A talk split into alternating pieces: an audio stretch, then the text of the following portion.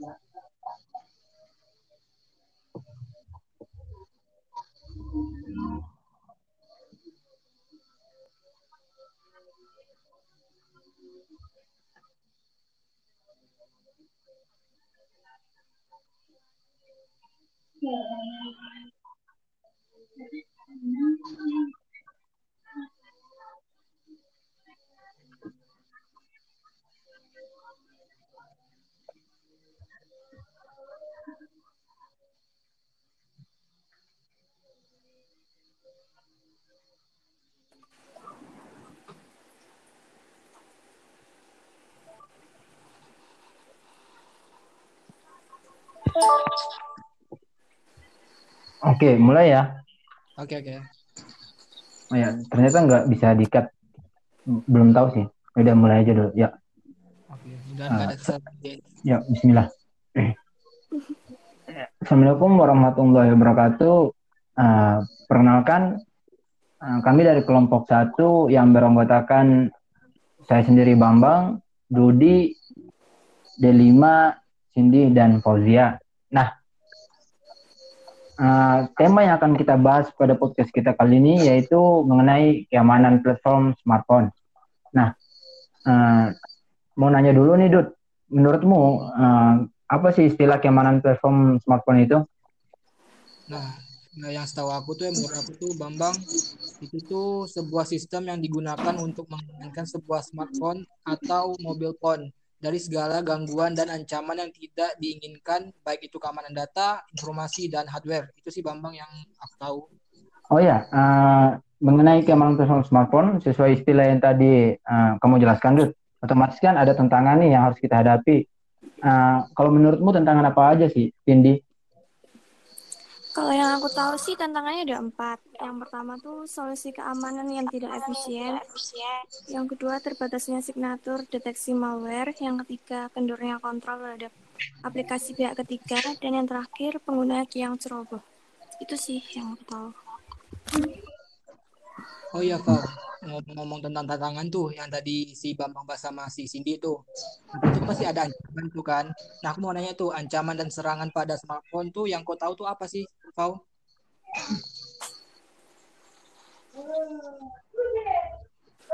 Val?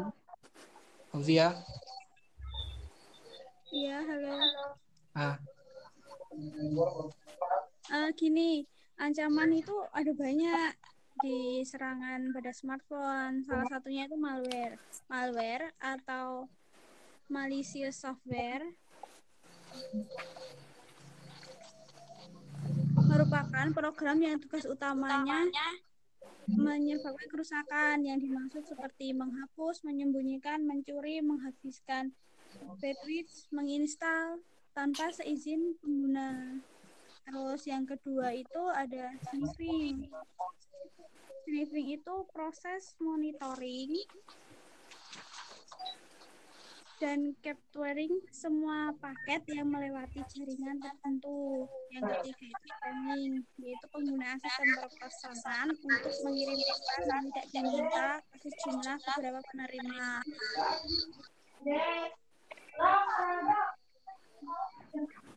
oh, Yang lain,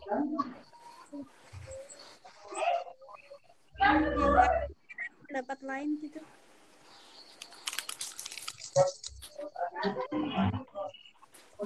Oh ya, eh, menurutku ya, eh, ancaman lain itu dari untuk yang sesuai sudah di, dijelasin oleh si Fauzia itu, kalau menurutku setelah spamming itu eh, ada ancaman yang kita sebutkan dengan spoofing. Nah, nah, spoofing itu salah satu bentuk penipuan online Nah, yang di mana yang di- itu dilakukan dengan cara menyamar sebagai seseorang atau pihak tertentu. Nah, itu biasanya biasanya itu penipu akan berkedok sebagai individu atau organisasi yang uh, memang sudah uh, kita kenal gitu. Nah, terus yang berikut ada phishing. Nah, phishing itu suatu bentuk penipuan juga yang di mana dia itu di, dicirikan dengan percobaan untuk mendapatkan informasi. Nah, terus ada farming. Nah, itu serangan cyber yang dimaksudkan untuk mengarahkan lalu lintas situs web itu dia ke situs palsu yang lainnya. Nah, terus ada phishing. Phishing itu bentuk penipuan dalam uh, telepon kriminal. Terus ada data leakage. Nah, data leakage itu uh, serangan yang sengaja dilakukan itu uh, untuk membobol suatu sistem sehingga uh, datanya itu dapat diakses gitu.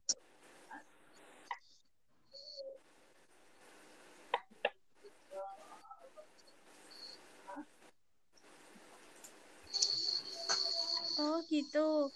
Uh, kalau Cindy, menurutmu apa yang dilakukan attacker untuk melakukan serangan ke smartphone? Kalau Tahu nggak cara? Hmm. kalau menurutku ya cara-caranya itu yang aku tahu tuh ada enam. Yang pertama tuh melalui aplikasi chatting. Ini dilakukan dengan cara hacker ini meretas melalui penambahan kontak baru melalui pesan, melalui panggilan tidak diketahui, atau mengirim URL video, lalu dari sana hacker akan mendapatkan informasi celah keamanan smartphone. Kemudian, melalui SMS dan MMS. Hacker meretas melalui SMS dan MMS yang telah disisipkan kode khusus yang secara otomatis masuk ke dalam inbox. Kemudian melalui perangkat Android. Selain itu juga melalui sertifikat. Sertifikat ini memungkinkan plugin pihak ketiga untuk menduplikasi layar perangkat dan melakukan tindakan ke perangkat. Kemudian juga bisa melalui kunci sidik jari. Hacker ini akan masuk ke dalam smartphone melalui internet lalu menyisipkan kode untuk mencuri data dari sidik jari tersebut. Dan kemudian melalui aplikasi baterai. Karena aplikasi baterai ini meneliti semua data pada smartphone. Mulai dari aplikasi yang berjalan, cookies, dan chat. Menurutku itu sih yang aku tahu. Oh ya, uh, aku mau nanya, mau nanya lagi nih Del sesuai dengan penjelasan dari si uh, dari si Cindy mengenai cara yang dilakukan oleh Checker itu otomatis kan mereka juga perlu skenario. Nah, uh, menurutmu skenario serangan yang pernah terjadi pada smartphone tuh kayak gimana?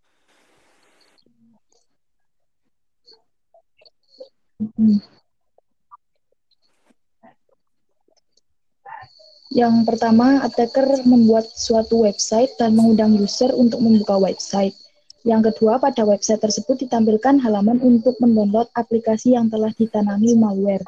Yang ketiga, halaman website tersebut dibuat semenarik mungkin sehingga user mendownload aplikasi tersebut.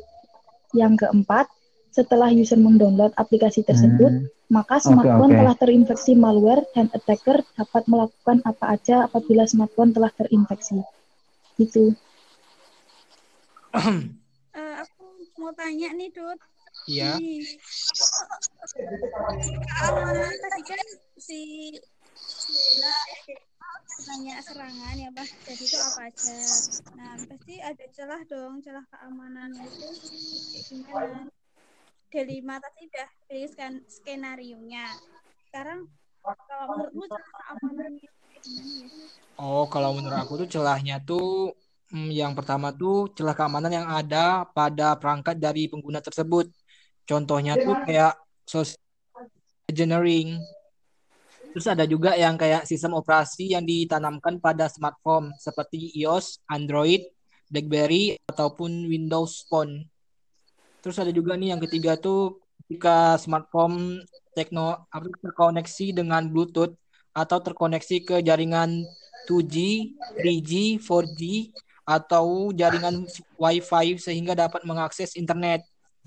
Terus yang aku tahu juga tuh ada juga celah keamanan yang ada pada aplikasi yang kita install. Terus yang kelima tempat penyimpanan data yang tidak aman dan yang dan menurut aku yang terakhir itu kayaknya embedded sensor yang tertanam pada perangkat. Itu sih yang menurut aku yang aku tahu ya celahnya.